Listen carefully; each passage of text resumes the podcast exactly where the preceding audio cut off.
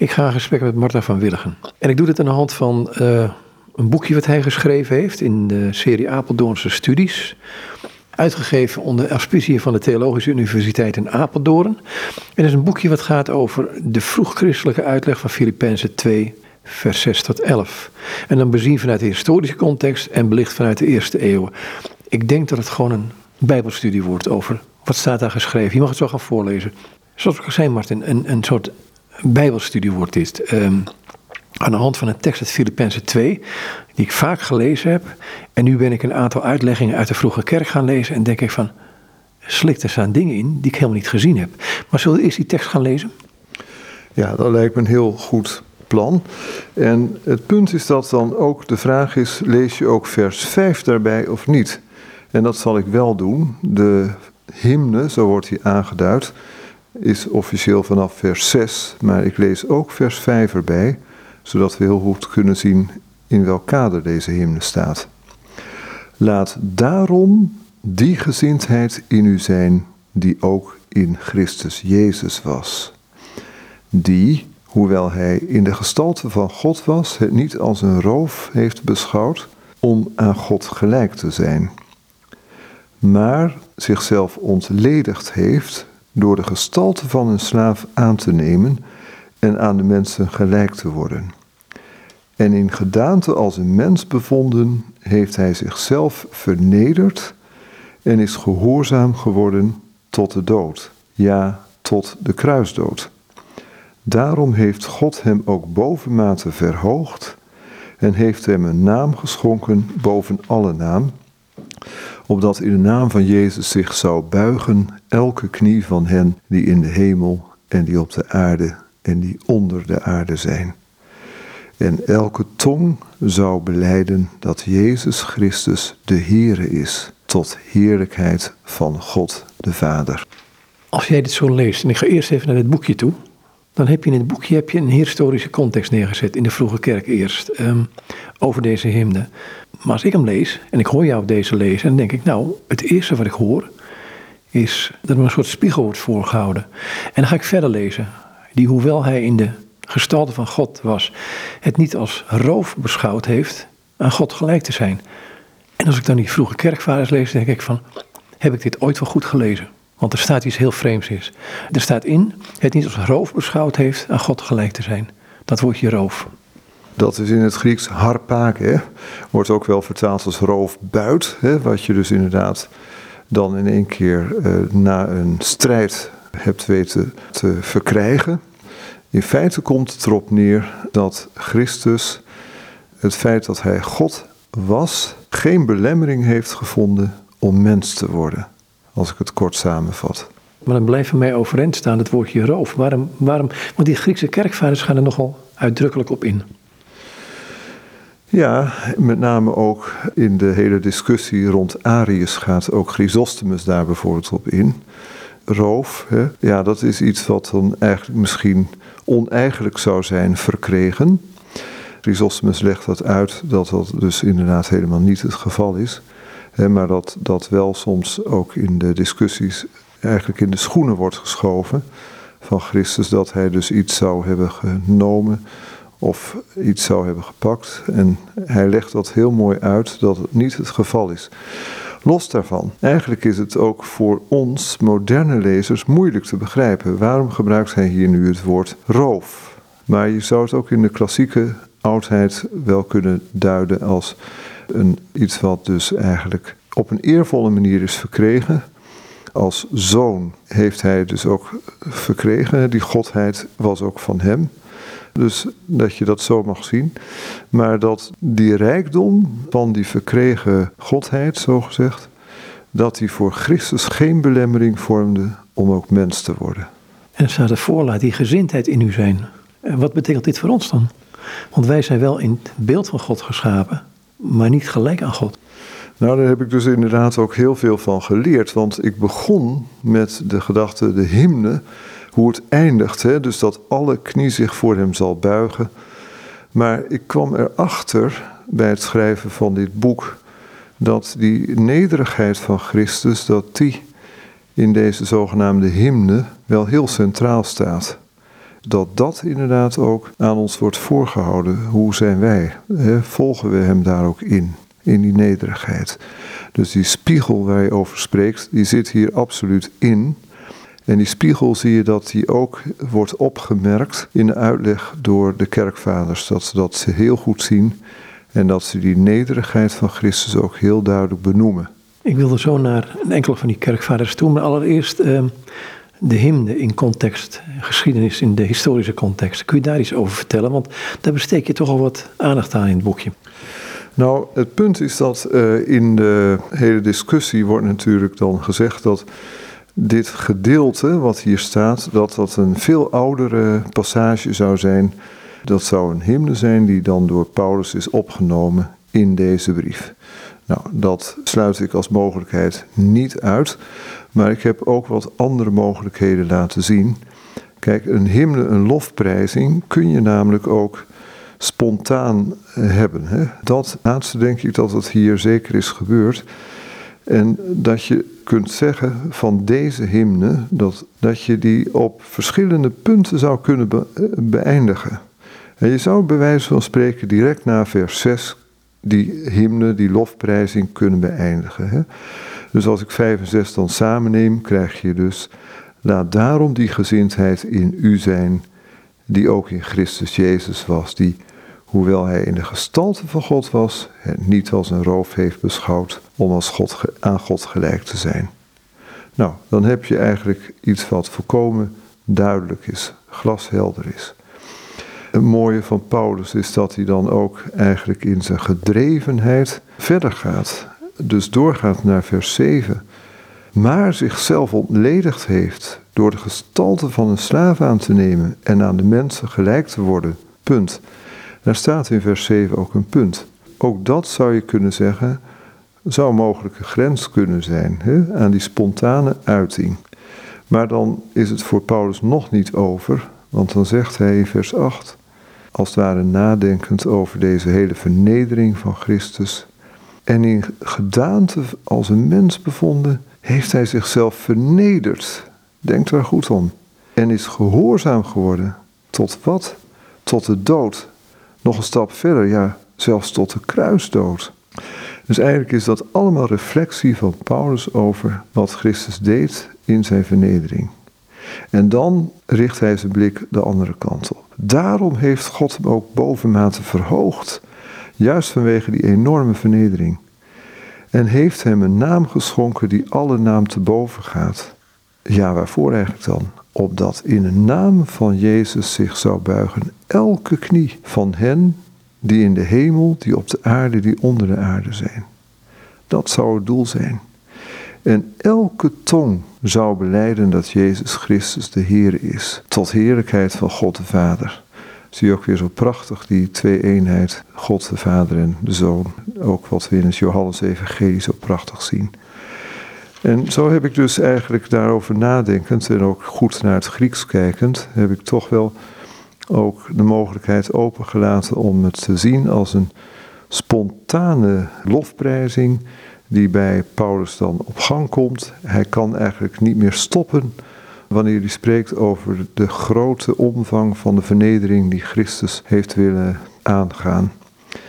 Ik heb daar met name ook naar gekeken omdat in de buiten nieuwtestamentische context de hymnenliteratuur ook vertegenwoordigd is. Dus dat heb ik ook in het boek enigszins toegelicht. Wat is het belang van een hymne? Een hymne is inderdaad wel een lofprijzing en daar loopt het hier ook op uit. Hè? Dus een lofprijzing van Christus. In het Nieuwe Testament komen deze hymnen ook vaker voor. Het gaat in die hymne, die lofprijzing op Christus, gaat het altijd over de Verlosser.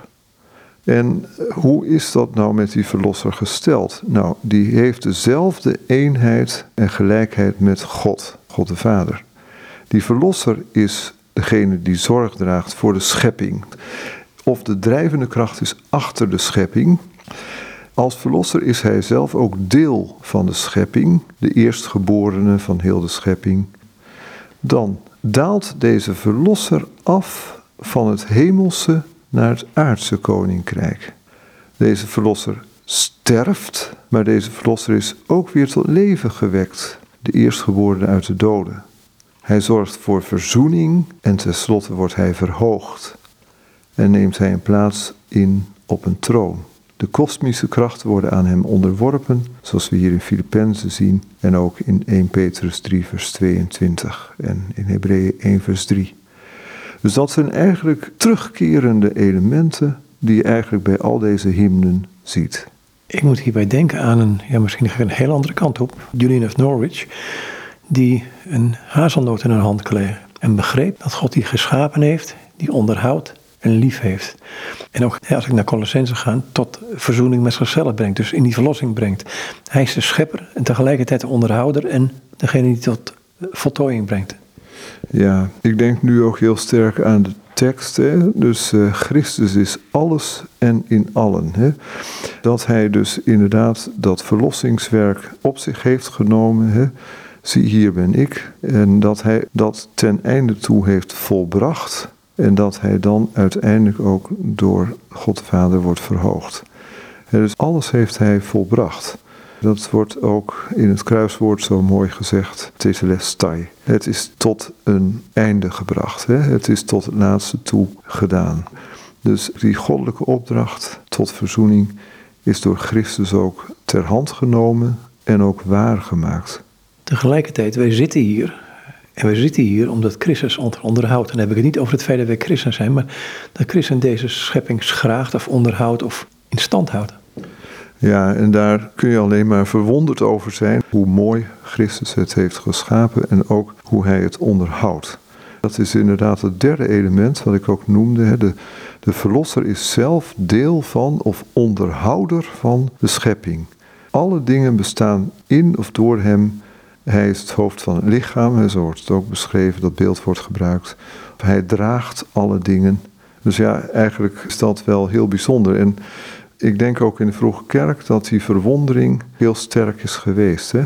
Want uh, als je naar bijvoorbeeld andere religies kijkt, Mitras, religie en uh, al dat soort zaken, dan was het allemaal heel bloederig enzovoort. Maar Christus, die heeft eens en voor altijd voor de zonde van de wereld voldaan. Hij is gestorven en opgestaan. En in de doop werd men dan eigenlijk daar ook heel duidelijk bij bepaald.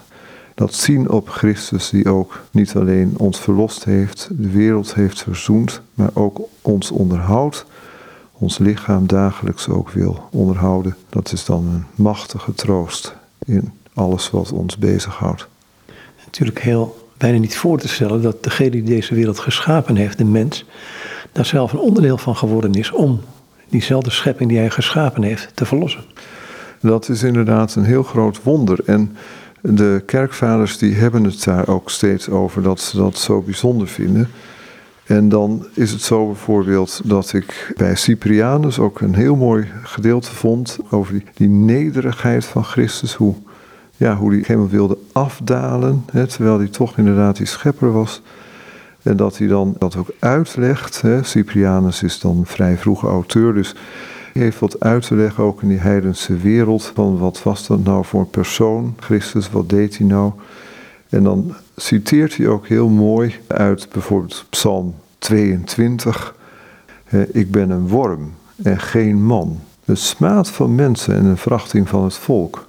Allen die mij zagen maakten mij met hun beledigingen bespottelijk en spraken met hun lippen en bewogen hun hoofd en zeiden, hij heeft op de Heer gehoopt, laat die hem nu uit de ellende bevrijden, laat die hem bevrijden als hij hem mag. Eveneens lezen we daar, mijn kracht is opgedroogd als een schaal en mijn tong is aan mijn gehemelte gekleefd. Eveneens lezen we dit bij Zacharia. De Heer toonde mij die grote priester Jezus, staande voor het aangezicht van een engel van de Heer en Diabolos stond aan zijn rechterhand om hem tegen te staan. En Jezus was gekleed in vuile klederen en stond voor het aangezicht van de engel van hem en de Heer antwoordde en zei tegen hen die voor zijn aangezicht stonden: Neem de vuile klederen van hem weg. En hij zei tegen hem: Zie, ik heb uw ongerechtigheden weggenomen. En bekleed hem nu met iets dat gewicht heeft en zet een zuivere tulband of hoofdband op zijn hoofd. Is een wat minder bekende passage, maar wordt hier dus ook christologisch uitgelegd. En dan vind ik zo mooi dat die vuile klederen, dat dat weer staat tegenover de witte klederen in openbaring waarin Christus ook de gelovigen wil kleden. En waarin ook de dopelingen waren gekleed na de doop. Je hebt in het boekje een aantal uitleggingen uh, opgenomen van die passage van Filippenzen. Waar zullen we beginnen? Want uh, je begint bij um, Origenes, maar uh, je noemt er ook een Pamphilus, noem je erin, een martelaar. Daar was ik ook door verrast eigenlijk. Pamphilus die is overleden in 309 of 310, dus eigenlijk bij die vervolgingen rond Decius. Die Pamphilus had ook een heel groot gezag, was in Alexandrië ook beïnvloed door Origenes. Het is ook zo dat Pamphilus door Eusebius, de kerkhistoricus, zeer werd gewaardeerd. Het was zelfs zo dat Eusebius zichzelf zoon van Pamphilus noemde, omdat hij zoveel respect had voor Pamphilus.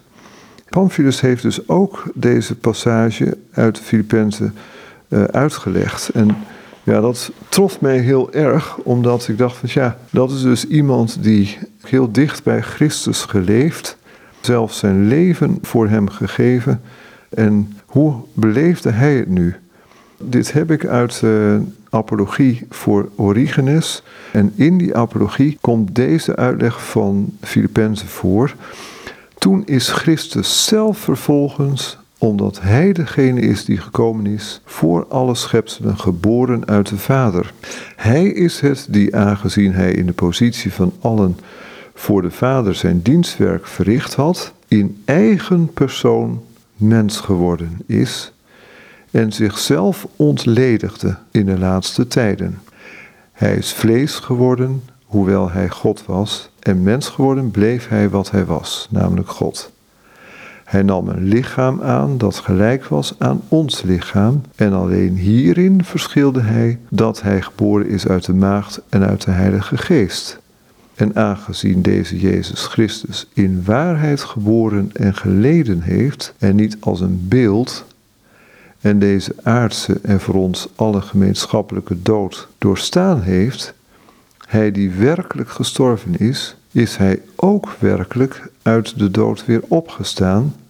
En nadat hij na zijn opstanding met zijn discipelen op aarde had verkeerd, is hij daarna opgenomen in de hemel. Toen hebben zij de Vader en de Zoon, de Heilige Geest aan de mensheid overgedragen. met de hemelvaart beloofde Christus dat.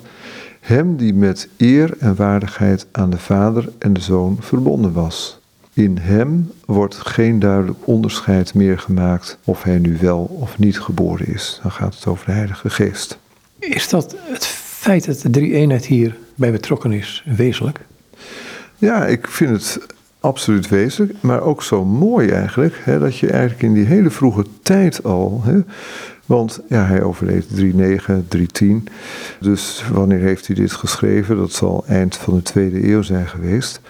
Maar dat deze Pamphilus, deze martelaar, dat hij zo glashelder is en dat hij ook die lijnen zo ziet. Hè? Dus de vader en de zoon, maar ook de belofte van de Heilige Geest. En dan, ja, heel mooi gezegd, toen hebben zij, de vader en de zoon, de Heilige Geest overgedragen, staat er heel letterlijk.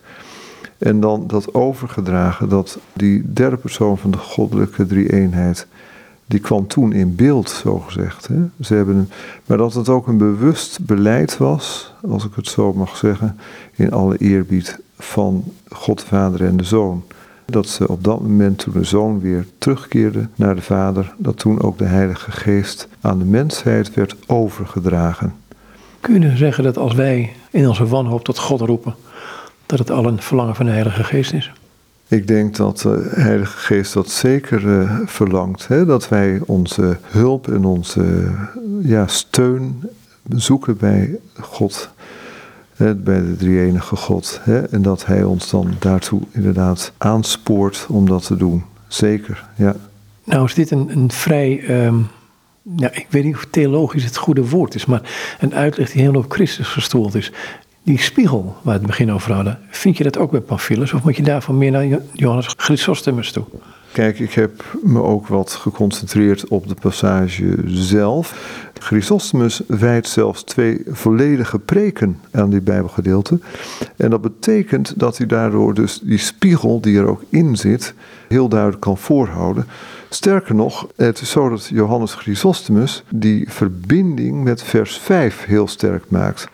En dat is dus ook uh, wetenschappelijk interessant, omdat je dan, kijk, je kunt natuurlijk nu wel zeggen, ja, het is een hymne, maar je kunt ook kijken naar de vraag, hoe werd dan deze passage in de vroege kerk uitgelegd? En dan blijkt dus dat Chrysostomus vooral die nederigheid van Christus naar voren haalt. Het hymnologische aspect, het tweede deel ervan, van deze uh, passage, dat hij daar veel minder op ingaat. Hè, maar dat hij vooral dat begin naar voren haalt. En dat ook dan dus echt vastmaakt, verankert zeg maar aan vers 5. Laat daarom die gezindheid in u zijn die ook in Christus Jezus was. En dan komt natuurlijk de hele vernedering naar voren. En hij gaat ook nog in op vers 3. Dat verbindt hij er ook aan. Dus hij kijkt verder eigenlijk terug Doe niets uit eigen belang of eigen dunk, maar laat in nederigheid de een de ander voortreffelijker achten dan zichzelf. Hij gaat er echt op in met de vraag: wat wordt hier bedoeld? Hij zegt dan ook van kijk, dit is heel bewuste opdracht. Dat voortreffelijker achten dan jezelf, iemand anders voortreffelijker achten dan jezelf, dat vermogen hebben we ook om dat te doen. Dat is niet zeg maar een uh, toevalstreffer als we dat doen. Maar God vraagt dat van ons. Wat is nederigheid dan?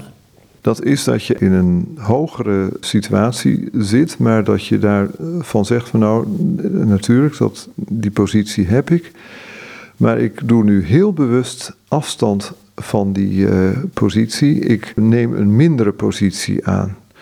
Hij zegt dan bijvoorbeeld van kijk, het is als een koning die op dat moment zegt ik ben natuurlijk wel koning, maar ik ben, daar doe ik toch bewust afstand van. Ik doe nu werk dat eigenlijk helemaal niet bij een koning past. Ik ben nu dienstknecht, als je naar onze situatie uh, toebrengt. Dus wat door de hofhouding wordt gedaan, dat je deel uitmaakt van de hofhouding, maar dat je terwijl je koning bent, hè, dat je dan dus die hoge positie van de koning bewust even niet gebruikt of daar je op laat voorstaan. Hij legt ook uit, kijk, als iemand in een bepaalde positie wordt geplaatst, dan is dat op zich nog geen nederigheid. Maar als het een bewuste keuze is van iemand die veel hogere positie heeft om naar een lagere positie toe te gaan, ja, dan is dat vernedering. Goed, dan lees ik bij Christus één dat hij zichzelf uh, niet aan hij heeft zich niet aan God gelijk willen zijn. Hij neemt de gestalte van een slaaf aan. Hij is aan de mensen gelijk geworden. En dan in die gedaad als mens heeft hij zichzelf vernederd. Nog een keer.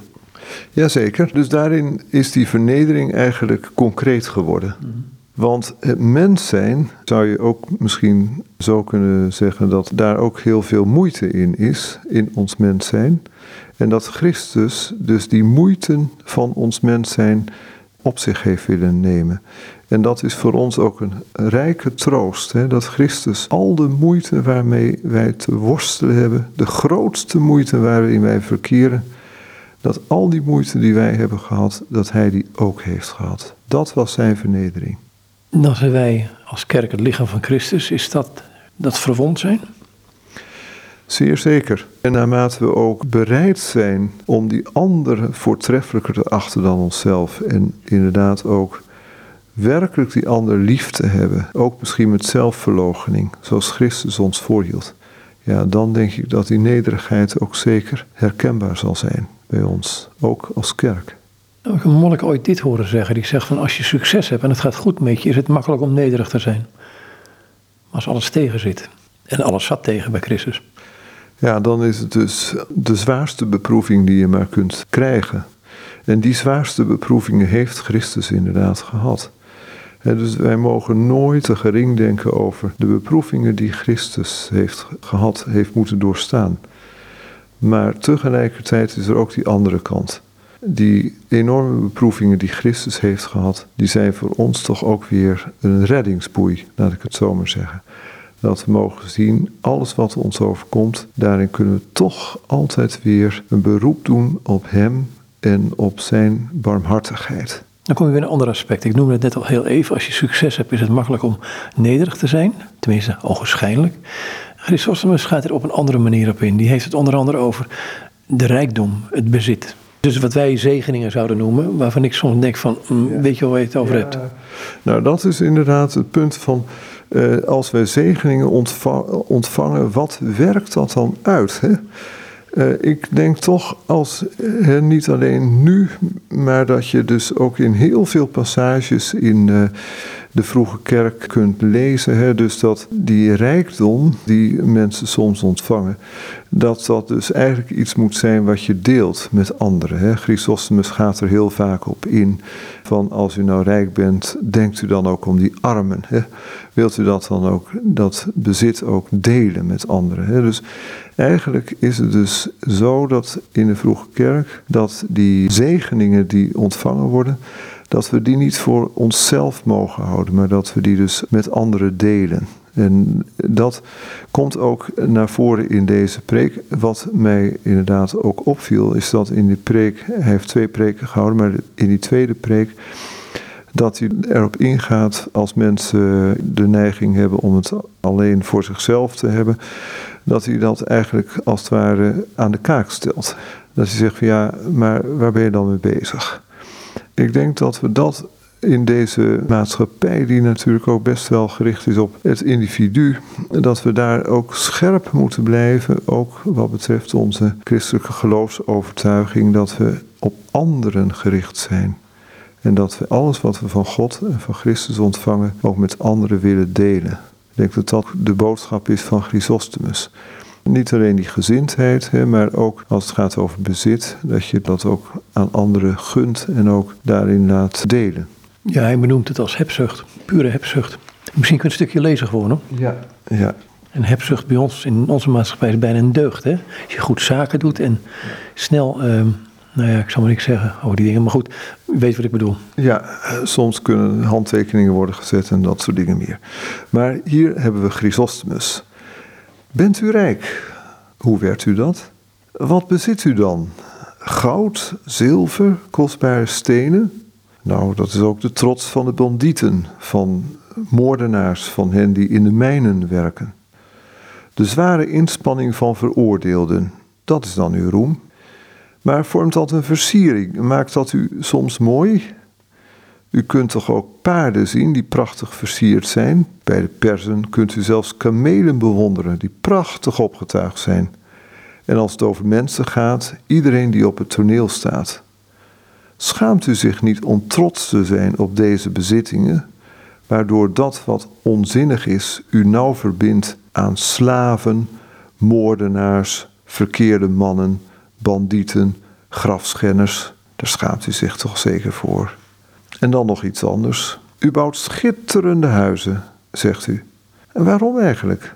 Veel kraaien bouwen mooiere huizen en bezitten nog veel verhevener verblijfplaatsen. Of ziet u niet dat juist degenen die zich heel druk maken over geld, te midden van akkers en op eenzame plaatsen hun huizen bouwen? Inderdaad, de verblijfplaatsen van kraaien. Bent u trots op uw stem? U zult nooit helderder kunnen zingen dan een zwaan of nachtegaal. Oh, een nachtegaal kan ik me voorstellen. Een zwaan, we hebben het even opgezocht. Lastig. Lastiger, ja, daar zouden we ook in de oudheid nog eens even naar moeten kijken. Dat heb ik niet gedaan, dus dat is nog een mooie opdracht. Hoe zit het dan met de veelzijdige schoonheid van de kunst?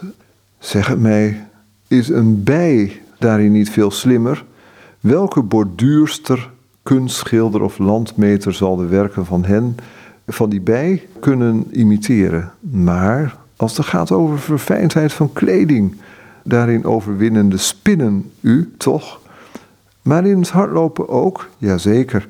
Opnieuw hebben redeloze dieren hier weer de primeur. De haas en de gems. Nou, zo gaat hij een heel eind door.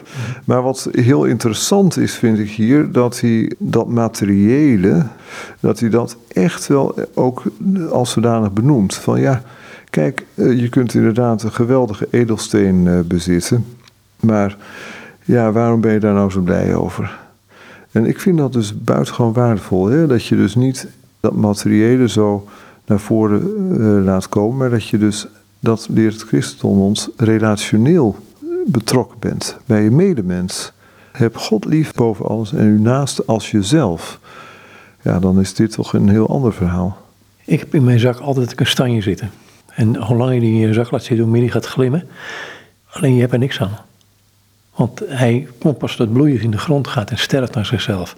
Dan moet ik aan denken als ik dit hoor. Denk ik, ja, je kunt zo de zucht naar heb hebben en het willen vasthouden. Ja, naakt meer gekomen, naakt ga je. Tegelijkertijd is het materieel in deze wereld best wel belangrijk. En het feit dat we een lichaam hebben ook. Ja, kijk, en dan kom je weer op een heel ander punt. Augustinus bijvoorbeeld, die heeft het ook over orde. Dus dat in het leven een bepaalde orde belangrijk is. En hij ziet ook een goede orde als door God gegeven. En ik denk dat is ook zeker eh, het geval dat we in ons leven er geen chaos van maken, maar ook daar een zekere orde in uh, aanbrengen. Maar tegelijkertijd denk ik aan het schriftwoord, hè, vergeet de meedeelzaamheid niet.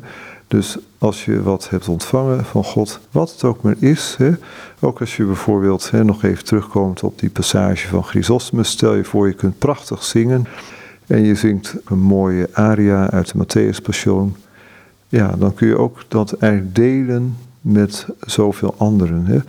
En als je talenten van God hebt gekregen, dat je die deelt met anderen, dat is denk ik de grote opdracht. En God geeft aan iedere mens talenten. Dat is het goede nieuws. We hebben altijd mooie dingen van God ontvangen die we met anderen kunnen delen. Hoeven we nooit over in te zitten. God geeft ons een overvloed aan talenten aan iedere mens. Wat hebben wij wat we niet ontvangen hebben? Zelfs ons eigen lichaam, wie we zijn. Dan kom je ook in die kloostertraditie terecht in de vierde, vijfde, zesde eeuw. En dan wordt er gedankt door de kloosterlingen als het daglicht weer komt en dan wordt er gedankt ook dat God leven geeft, leven doet, weer doet terugkeren. En dan zie je ook dat dat leven dicht bij de natuur, bij alle gaven die God ons geeft, en maar ook die afhankelijkheid erin. Dit schriftwoord en de uitlegger van ook deze Bijbelstudies van al die vroege kerkvaders maakt ons opnieuw duidelijk waar het over gaat, hè? waar het om moet gaan ook. Hè? Dus dat Christus eigenlijk ook in ons leven centraal staat. In Christus hebben we in wezen alles gekregen wat er te krijgen valt, alle wijsheid. Hè, lees ik in Colossense, dacht ik. Komt het ook naar voren toe in deze hymn? Het woordje liefde bijvoorbeeld mis ik in deze hymn. Ik denk dat je dat niet direct ziet, hè, maar wel in dat vers 5. Hè, na daarom die gezindheid in u zijn, die ook in Christus Jezus was. En dan staat er in het Grieks uh, froneite, froneite en humin bedenk dat. laat dat in je gedachten zijn. Laat dat eigenlijk je gedachten bepalen wat in Christus was. Als je aan Christus denkt, hoe dacht Christus nou zelf? Dan was hij eigenlijk permanent gericht op die medemens. Als je denkt ook aan de genezingen die hij deed, hoe hij steeds ook probeerde die medemens op te heffen, te genezen. Maar die gezindheid van Christus, die wordt gekenmerkt door zijn liefde voor de medemens. En ook geconcretiseerd natuurlijk hier in de komst van Christus naar de aarde. In zijn eerste preek, die heb ik nu voor me liggen, um, zegt hij onder andere Paulus die zich hiervan bewust was. Dus um, uh, het God gelijk zijn, daar gaat het over, dacht ik. En hen aansporen tot nederigheid, gaf eerst een aansporing en sprak daarna een smeekbede uit. Dus die wordt in spiegel voorgehouden, dat ik het met mijn eigen woorden zeggen. En daarna komt er een smeekbede van dit is de nederigheid van Christus en nu wij. Dat klopt, hè? dat vind je in vers 12. Hè? Dat is eigenlijk die aansporing tot het heilige leven. Daarom, mijn geliefde, zoals u altijd gehoorzaam bent geweest, niet alleen in mijn aanwezigheid, maar ook bij mijn afwezigheid, werk aan uw eigen zaligheid met vrezen en beven. dus dat hier ook het geloof in de praktijk wordt gebracht, maar dat dat geen gelopen race is. Dat God eigenlijk dan vraagt om elke dag weer opnieuw open te staan voor Hem en dan op die manier ook open te kunnen staan voor de medemens. Vers 13 ook heel mooi. Het is God die in u werkt, zowel het willen als het werken naar zijn welbehagen. Maar dan toch weer die aansporing in vers 14. Doe alle dingen zonder morren en meningsverschillen, met als doel, vers 15, opdat u onberispelijk en oprecht zult zijn, kinderen van God, smetteloos, te midden van een verkeerd en ontaard geslacht, waarin u schijnt als lichten in de wereld. En daar kom je weer terug eigenlijk op dat Christus ook van zichzelf zegt: Ik ben licht van de wereld. En dus dat wij lichtpunten mogen zijn als we Hem volgen in die nederigheid en ook voor onze medemens willen gaan. Als je verder kijkt in dit Bijbelgedeelte, door vast te houden aan het woord, hoofdletter van het leven, mij tot roem met het oog op de dag van Christus, als Hij terugkomt, hè, dat ik niet te vergeefs heb hard gelopen en mij ook niet te vergeefs heb ingespannen. Christen zijn is ook een, is hard werken, zeg maar, maar wel door genade. Maar al word ik ook als een plengoffer uitgegoten over het offer en de bediening van uw geloof, ik verblijd mij en ik verblijd mij met u allen. En dan dat wederkerige, dat relationele. En u verblijdt zich ook daarover. En dan tenslotte, verblijdt u dan met mij. dus hier zie je ook dat hij zich echt niet verheft boven die gemeenteleden, maar naast hen gaat staan en samen inderdaad Christus wil dienen. Het feit dat elke tong zal beleiden dat hij Heer is. En ik kijk naar deze wereld in dit moment. Dan denk ik, ja, waar staan wij? Hè? Want het is toch heel veel uit geloof wat er nu gebeurt, wat er nu gezegd wordt. Ja, en het uiteindelijke doel is dit. Hè? In vers 10 begint de zin met opdat in de naam van Jezus Christus zich zou buigen elke knie. Dus het is het doel eigenlijk van God dat, die, dat hij zal worden vereerd en zal worden verheerlijkt. En het doel ook dat iedere tong zou beleiden dat Jezus Christus de Heer is. En dat doel, ik denk dat moeten we nooit vergeten, dat blijft ook gehandhaafd. Hè? Dat doel wat God hier uitspreekt, dat is waar het naartoe moet gaan. Maar goed, de vraag is, als ik nu in deze wereld zie, lijkt het wel een hele andere kant op te gaan. Hier in Europa dan. Ik bedoel, in, in, in China zijn 100 miljoen christenen op het ogenblik, ook met 10% van de bevolking, maar toch. Ja, wij kunnen dat natuurlijk niet helemaal bezien. Tegelijkertijd mogen we hoopvol leven. We weten niet hoe het verder gaat, maar dat mogen we ook in Gods handen leggen. Er zijn 8 miljard mensen.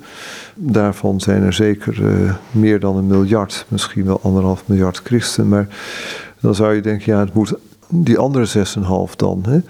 Dit heeft een enorme potentie, hè? maar dat mysterie, dat kan ik ook niet bevatten. Wie kan het wel, maar ik leg het God in Gods hand in gebed. Nog een stuk lezen uit een van de preken van uh, Chrysostomus. Chrysostomus die roept hier op om Christus te volgen. Volg hem daarom na. Maar dit is geen bewijs van nederigheid, zou iemand kunnen zeggen, maar van arrogantie en leer daarom nu wat nederigheid is. Wat is nederigheid? Dat is nederige dingen bedenken. Bedenk nederige dingen. U die niet genoodzaakt wordt om nederig te zijn, maar u die zichzelf vernedert. Alsof ik zeg, let hierop, wanneer iemand die hoge dingen kan bedenken nederig is, dan is die persoon daadwerkelijk nederig. Wanneer iemand echter in strijd met het feit dat hij niet, dat niet werkelijk kan zijn, toch nederig is, dan is hij het op die manier niet meer. Zoals een koning die onder een hyparch komt te staan nederig is omdat hij van de hoogte nedergedaald is naar een lagere functie. Maar als een hyparch in die positie verkeert, is hij niet nederig. Waarom niet? Omdat hij zichzelf niet vanuit de hoogte tot iets lagers heeft vernederd. Anders is het immers niet een zich vernederen, als het niet gebeurt uit eigen macht en vrije wil. En dus hier kom je op een cruciaal punt. En daarom moeten we denk ik ook niet te gering denken over die vernedering van Christus, omdat hij dat echt heel bewust heeft gedaan. Als het noodzakelijk is om zichzelf te vernederen, ook al wil men het niet, dan is dat niet een bewijs van een bepaalde gezindheid of van een bepaalde wil. Maar komt het alleen maar voort uit noodzaak. Maar daarom wordt het juist nederigheid genoemd, omdat het een vernederen van de denktrand inhoudt. Weet hier ook over empathie? Zeer zeker. Hè? Dus dat hoort er allebei, allemaal bij. Maar dat vind ik ook zo troostrijk. Dat Christus eigenlijk, als het over empathie gaat, de meest empathische persoon is die er ooit geweest is. Je mag voor lezen. Ja, ik wil hier ingaan op de gedachte hè, dat Christus ook opgedragen heeft om de vijanden goed te doen.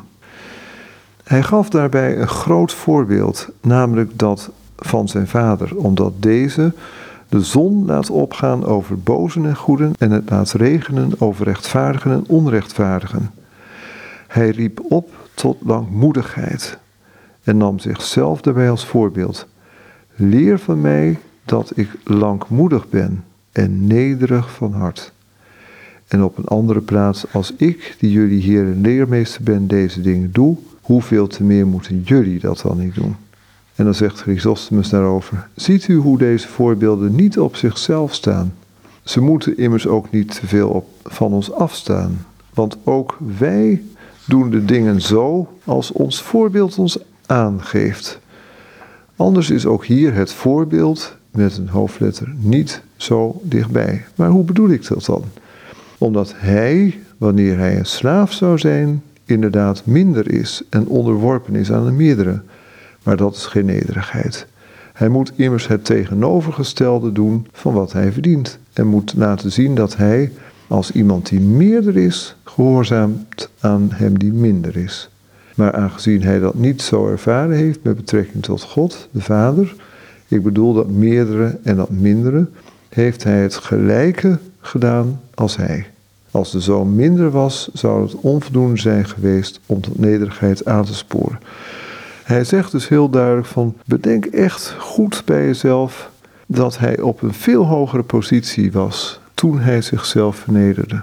En dat het een heel bewuste en vrijwillige keuze is geweest. Zie eigenlijk de enorme omvang van die vernedering. Besef dat, realiseer je dat. Dus het is niet een, een directeur die voor één dag in het magazijn gaat werken. Nee, maar die zeg maar directeur af wordt. Hè? En die zegt van, ik was directeur, maar ik ga nu, ga ik inderdaad iets heel anders doen. Ik ga dus inderdaad in het magazijn werken. En dan acht hij de ander hoger dan zichzelf. Ja, en daarmee is het ook zo dat aan ons zo'n magistraal voorbeeld is gegeven hier. Maar ook een richtlijn. Ik denk dat dat nog een veel betere term is. Dat we ook zien welke kant het met ons leven op moet. Zo mooi als het hier ook wordt beschreven. Kijk ook verder naar wat hij na het voorbeeld zegt. Laat in nederigheid de een de ander voortreffelijker achter dan zichzelf. Achten, zegt hij. Aangezien je in wezen en eer, die je van God hebt ontvangen, één bent, moet wat volgt in deze tekst de daadwerkelijke invulling van je christelijke houding zijn. Anders zou de schrift met betrekking tot meerdere en mindere niet hebben gezegd achten, maar jullie moeten degene die voortreffelijker zijn dan jullie eren.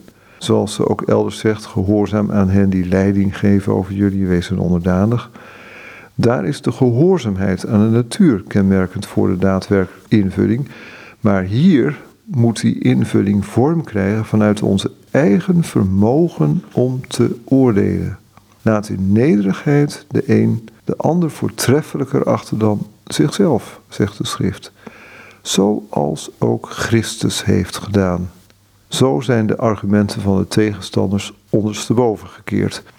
Tegenstanders? Um, één tegenstander noemt hij bij naam, de Satan. Hoe doet hij dat? De verschillende manieren waarop de Satan zich manifesteert, worden door Chrysostomus zogezegd vertaald in zeer sterk variërende verschijningen van verschillende dieren. En dan spreekt hij dus over een listige slang, een adder, een schorpioen, maar ook een brieselende leeuw. Het beeld dat de apostel Petrus ook van de Satan schetst. Ik vond de waarde hiervan ook wel dat hij maakt het ook concreet. Hè? Dus hij zegt niet van ja, hè, dus de Satan is ook echt een geduchte macht waar je rekening mee moet houden en waar je ook weerstand aan moet bieden. En dat ook daarin een opdracht is hè, aan ons om de goede strijd te strijden. Als ik die hymne bezie, in het Filippenzen 2, uh, komt de Satan er niet in voor. Niet direct, maar het is natuurlijk wel zo dat de beproeving die uh, wordt beschreven, die dood, hè, de dood van het kruis zelfs, dat daarin de Satan Christus wel beproefd heeft. Daarin is Christus ook weer een troost voor de gelovigen, omdat hij ook die beproevingen heeft moeten weerstaan.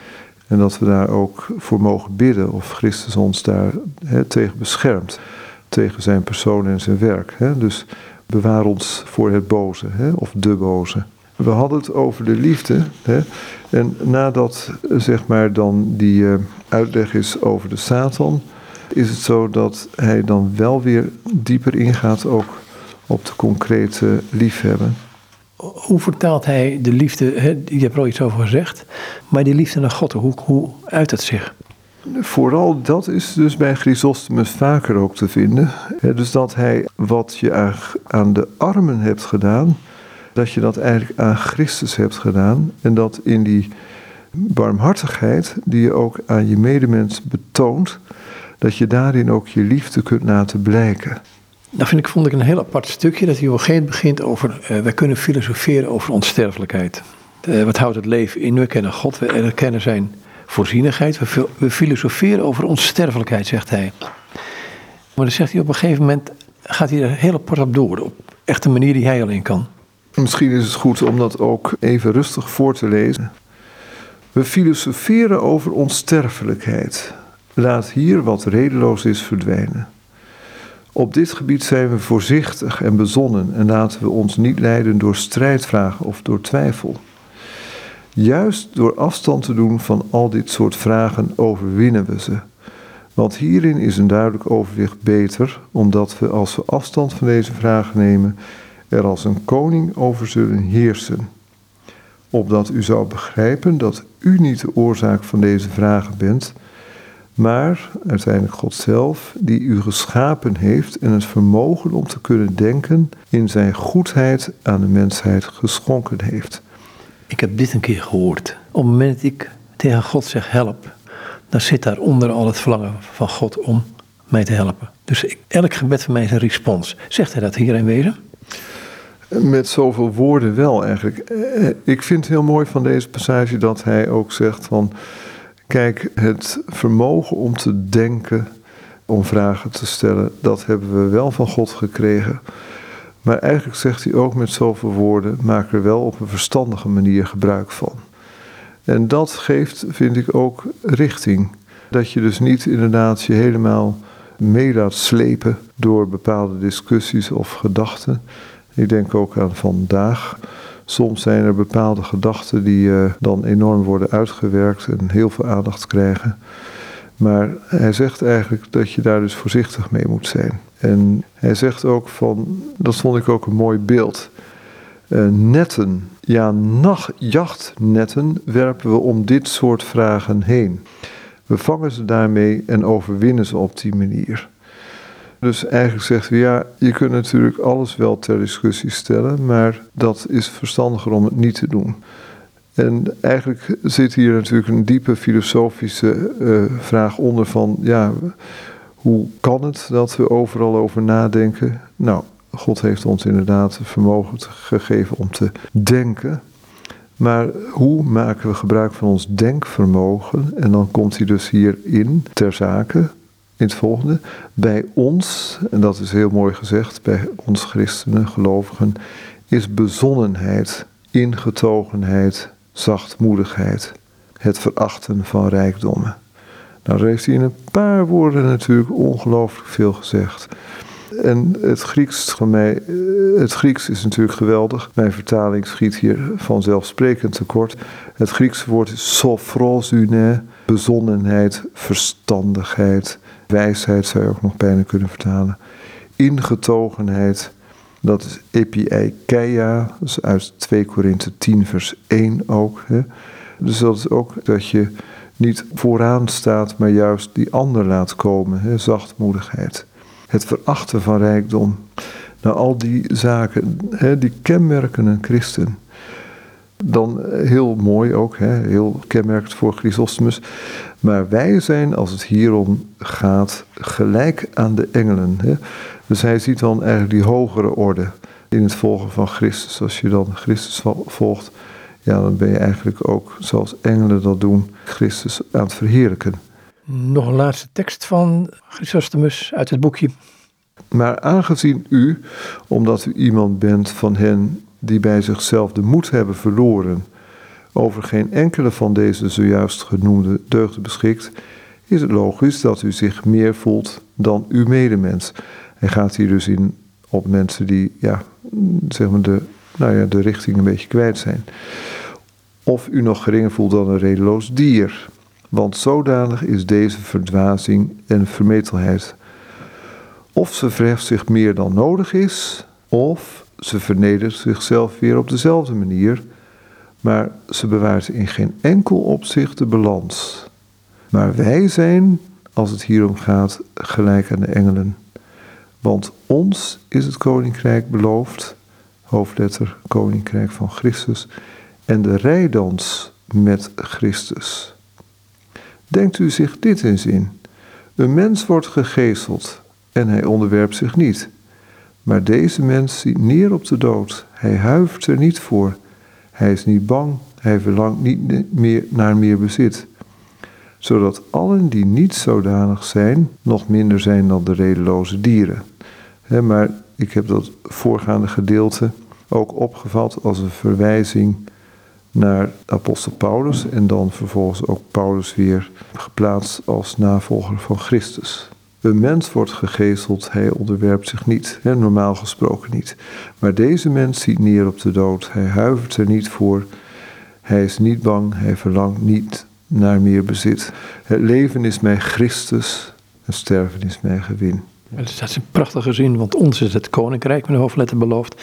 En de rijdans met Christus. Ja die rijdans. Ja, dat is ook geweldig. Hè? Hoe eigenlijk dan alles wegvalt. Hè? Dus een uitzien naar de volkomen vreugde over de verlossing die door Christus is aangebracht.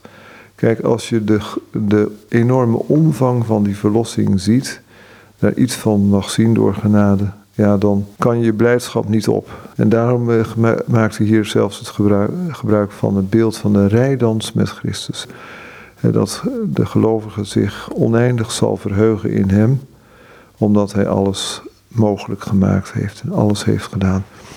Een feest. Een feest. En ik wilde eigenlijk nog als afsluiting misschien ook nog een stukje van Augustinus voorlezen, dat ook over deze Filippenzen 2, vers 5 tot 8 gaat.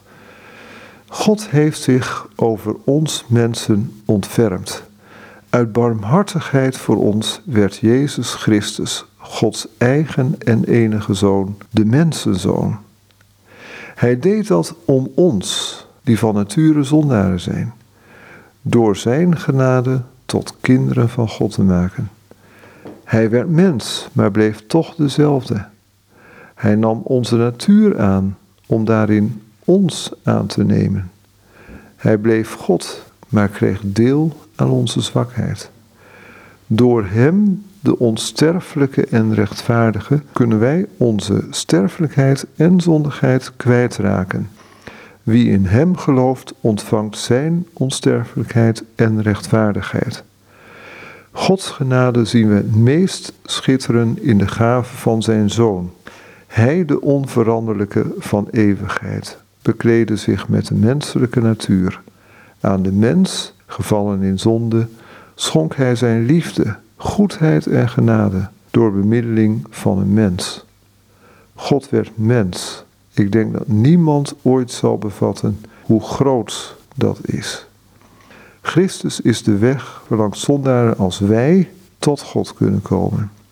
De mens was ver van God verwijderd, maar Christus kwam om hen te redden. Hij, de onsterfelijke, voor de sterfelijken hij, de rechtvaardige, voor de onrechtvaardigen. Hij, de gelukzalige, voor ons rampzaligen. Ja, dit is tot zover Augustinus uit de bundel De Onsterfelijke werd sterfelijk. Prachtig hoe hij dat ook hier beschrijft. Er staat nog een gebed bij. Misschien kunnen, we, daar- misschien kunnen we met het gebed eindigen. Heere, mijn God, sla acht op mijn gebed. Zie in uw barmhartigheid naar mij om. Geef mij iets om u aan te bieden, want ik ben arm. U bent rijk voor allen die u aanroepen. U hebt zelf geen zorgen, maar maakt zich wel zorgen over ons. Zie mij aan in genade en erbarm u over ons. Ik wou je danken voor dit gesprek. Heel graag gedaan. En dit zijn Marta van Willigen. En met hem was ik in gesprek op basis van het boekje De vroegchristelijke uitleg van Filippenzen 2, vers 6 tot 11. Een uitgave van de Theologische Universiteit in Apeldoorn.